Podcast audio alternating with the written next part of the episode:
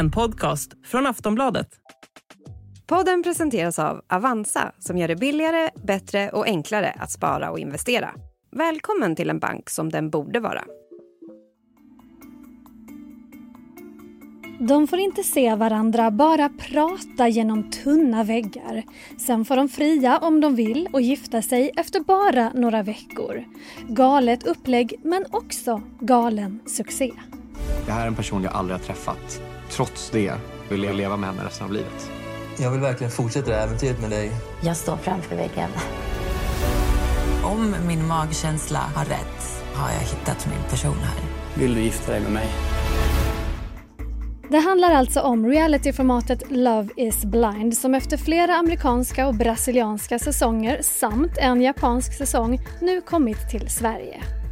Serien sänds på streamingtjänsten Netflix och har på kort tid lyckats bli något av en lägereld. Kinosbråk, kastade ringar, hundar som inte kommer överens. Ja, känslor och åsikter och reaktioner finns i överflöd. Och diskussionerna om deltagarna och deras relationer går höga vid landets fikabord. På fredag får vi veta vilka par som väljer att gå vidare från förlovning till giftermål och vilka som går skilda vägar. Det handlar alltså om kärlek, precis som i så många realityserier i utbudet. Så varför har folk blivit så besatta av just den här serien? Vad finns det för skandaler i den svenska versionen? Och vad är egentligen grejen med de där fula guldglasen? Det ska vi prata om i Aftonbladet Daily. Jag heter Olivia Svensson. Gäst i dagens avsnitt är Nathalie Demirian som är nöjesreporter på Aftonbladet. Nathalie, du har sett de åtta första avsnitten av svenska Love is blind. Är kärleken blind? Absolut inte. Alltså deltagarna kan ju tro det i början i kapslarna när de eh, känner någonting för en person de inte har sett förut. Och då kan de ju säga saker som att utseende inte kommer spela någon roll. Men så fort de ser varandra och det inte finns en fysisk attraktion från antingen den ena eller från båda, då är det ju alltid ett problem och de paren håller ju aldrig. Så ja, utseendet spelar en roll, kärleken är inte blind. Det har varit en del chockade uttryck faktiskt som vi har sett den här säsongen när de får se sina partners. Men svenska Love is blind har blivit en stor framgång, det kan man ändå säga. Eh, hittills har det setts av över en miljon svenskar. Varför pratar så många om det här Love is blind, tror du? Men den amerikanska förlagan den har ju varit väldigt populär här i Sverige också. Så jag tror att programformatet i sig hade en så stabil fanbase även i Sverige som givetvis kastade sig direkt över de svenska avsnitten. Men så tror jag också att många har kollat för att det blev en hype innan eh, de som liksom inte visste det eh, förstod att det här är ett stort realityformat. Och eh, också att det är den första svenska realityn som Netflix gör och Netflix själva har gjort mycket reklam för det också. Så jag tror att många har blivit nyfikna till att börja med och sen har man fortsatt kolla för att det ju har varit väldigt underhållande. Och sen just att Netflix är ju en av de största streamingtjänsterna. Det är ju många som har Netflix så det har varit lättillgängligt för många också att titta på. Det här med färgstarka personligheter, Nathalie, det behöver man ju ändå. Det kan man väl ändå säga är nyckeln till en bra reality. Hur har produktionen lyckats med castingen här, skulle du säga? de har lyckats toppen.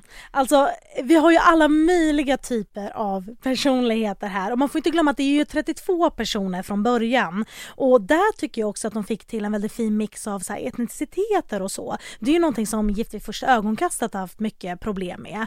Eh, så det blev en väldigt fin mix med det men också just med personligheter. De har lyckats väldigt bra med att det finns en person man älskar och hatar, det finns en person man tycker synd om och sen känner man ju starkare för vissa än andra såklart men jag tycker de har fått en, en väldigt fin eh, mix faktiskt. Och sen paren som blev är ju inte jätte så Eh, olika typer av människor, kanske rent så bakgrund. Det är lite samma ålder. Exakt. Och, mm. Men jag tycker ändå att de har fått till en väldigt bra eh, casting och det är ju en kombo av att Netflix både har jagat folk och sen så har ju folk såklart sökt också. Men de har ju verkligen liksom jagat människor och de har skrivit i ett pressmeddelande att det tog sex månader att hitta rätt kandidater. Så de har ju verkligen eh, kämpat för en bra eh, casting också får man säga. Oscar är en sån deltagare som har sagt till oss att han eh, inte alls tänkte vara med i det här och i sista liksom, stund innan inspelningen så övertalade produktionen honom att vara med och då tackade han ja. Det ska vi nog vara glada för. Ja. Mr Chinos. Ja, gud. Honom tycker man om. Men du, det här produktionsbolaget bakom uh, Love is blind, Mastiff, de har fått mycket kritik för det har kommit fram att en av deltagarna i uh, serien åtalats för misshandel av ett ex. Den här deltagaren nekade till brott och friades också i rätten. Men tycker du att Mastiff borde ha agerat annorlunda? Ja, men det är inte en jättelätt fråga eftersom personen ju är friad. Men just eftersom det är ett datingprogram och man sätts i rum där man själv inte vet vem man pratar med, man kan själv inte kolla upp personen under tiden man håller på att bli kär i personen som man ju gör i verkliga livet. Då tycker jag här att den typen av personer med den typen av eh, bakgrund, även om den blir friad, borde filtreras bort. Jag tycker liksom att det är konstigt att ha med en För att man inte ska få några överraskningar tänker Exakt. du då? Mm. Jag tycker liksom att det här är en sån grej där om du dejtar den här personen då har du möjlighet att själv kolla upp, ja ah, det finns ett åtal här. Man läser åtalet, man gör en egen bedömning. Är det här en person jag vill fortsätta träffa eller inte? Men här är ju deltagarna i produktionsbolagets händer helt och hållet och här tycker jag att de borde haft ett bättre omdöme. Vi ska ta en kort paus och sen ska vi prata mer om den här uppmärksammade realityserien. Flexibility is great. That's why there's yoga. Flexibility for your insurance coverage is great too. That's why there's United Healthcare Insurance Plans. Underwritten by Golden Rule Insurance Company, United Healthcare Insurance Plans offer flexible, budget friendly coverage for medical, vision, dental, and more. One of these plans may be right for you if you're, say, between jobs, coming off your parents' plan, turning a side hustle into a full hustle, or even missed open enrollment. Want more flexibility? Find out more about United Healthcare Insurance Plans at uh1.com.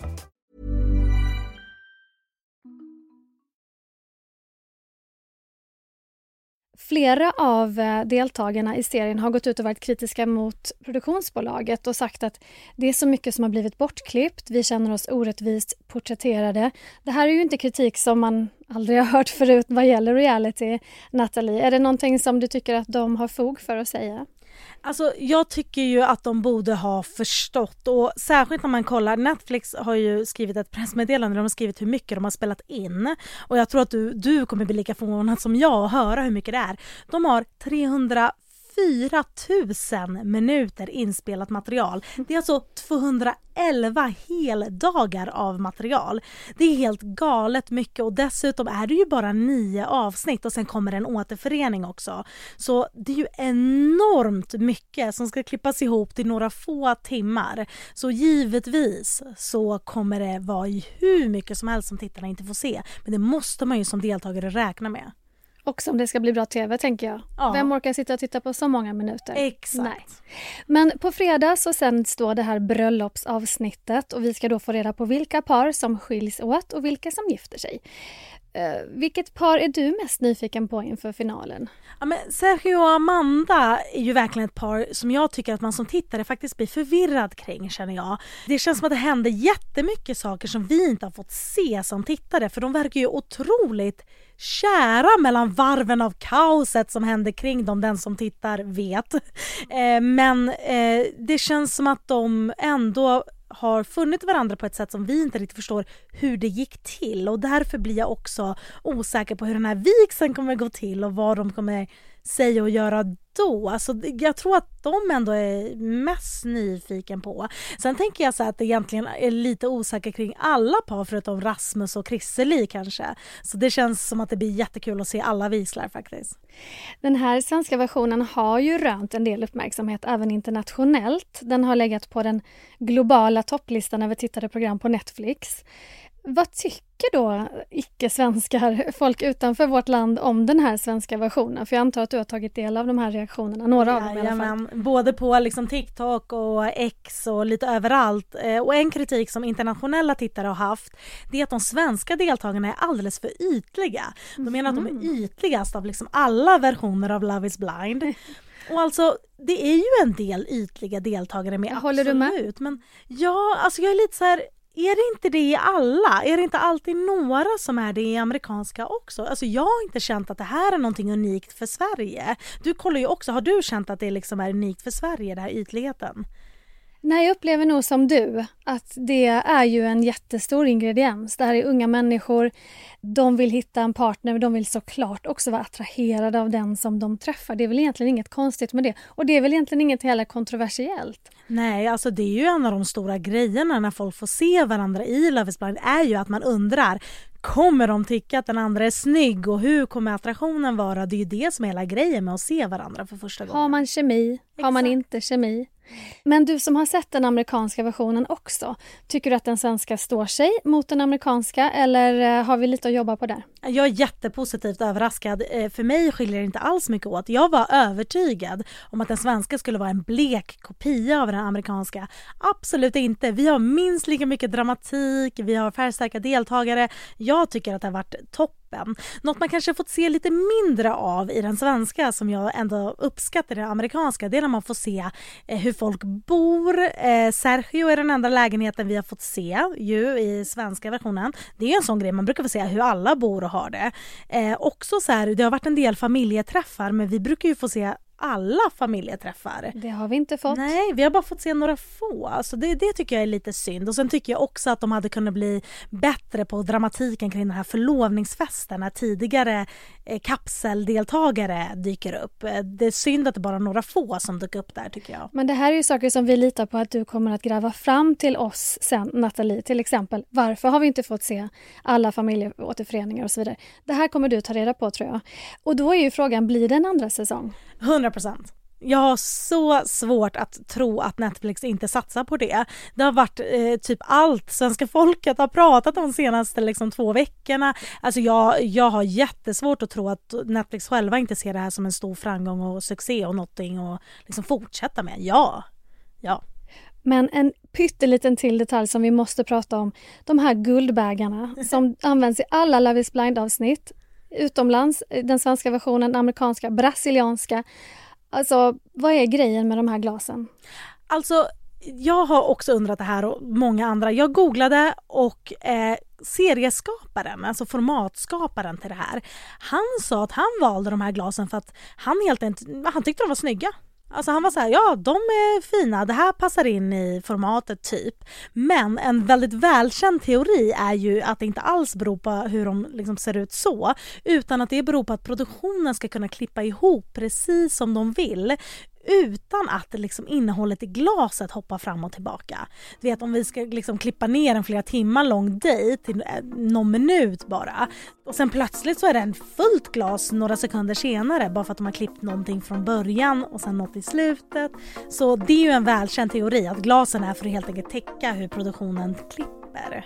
Det låter smart och det låter som en väldigt rimlig förklaring tycker jag. Tack för att du kunde komma och prata om det här Nathalie. Tack så mycket. Sist här, Nathalie Demirian, nöjesreporter på Aftonbladet. Du har lyssnat på ett avsnitt av Sveriges största nyhetspodd Aftonbladet Daily och jag heter Olivia Svensson. Vi hörs igen snart. Hej då! Normally, being a little extra might be a bit much, but not when it comes to healthcare. That's why United Healthcare's Health Protector Guard fixed indemnity insurance plans, underwritten by Golden Rule Insurance Company, supplement your primary plan so you manage out of pocket costs. Learn more at uh1.com.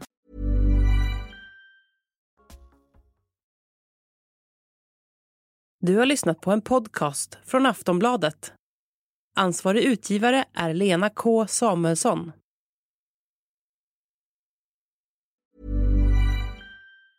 Tired of ads barging into your favorite news podcasts? Good news. Ad-free listening is available on Amazon Music for all the music plus top podcasts included with your Prime membership. Stay up to date on everything newsworthy by downloading the Amazon Music app for free or go to amazon.com slash news ad free. That's amazon.com slash news ad free to catch up on the latest episodes without the ads.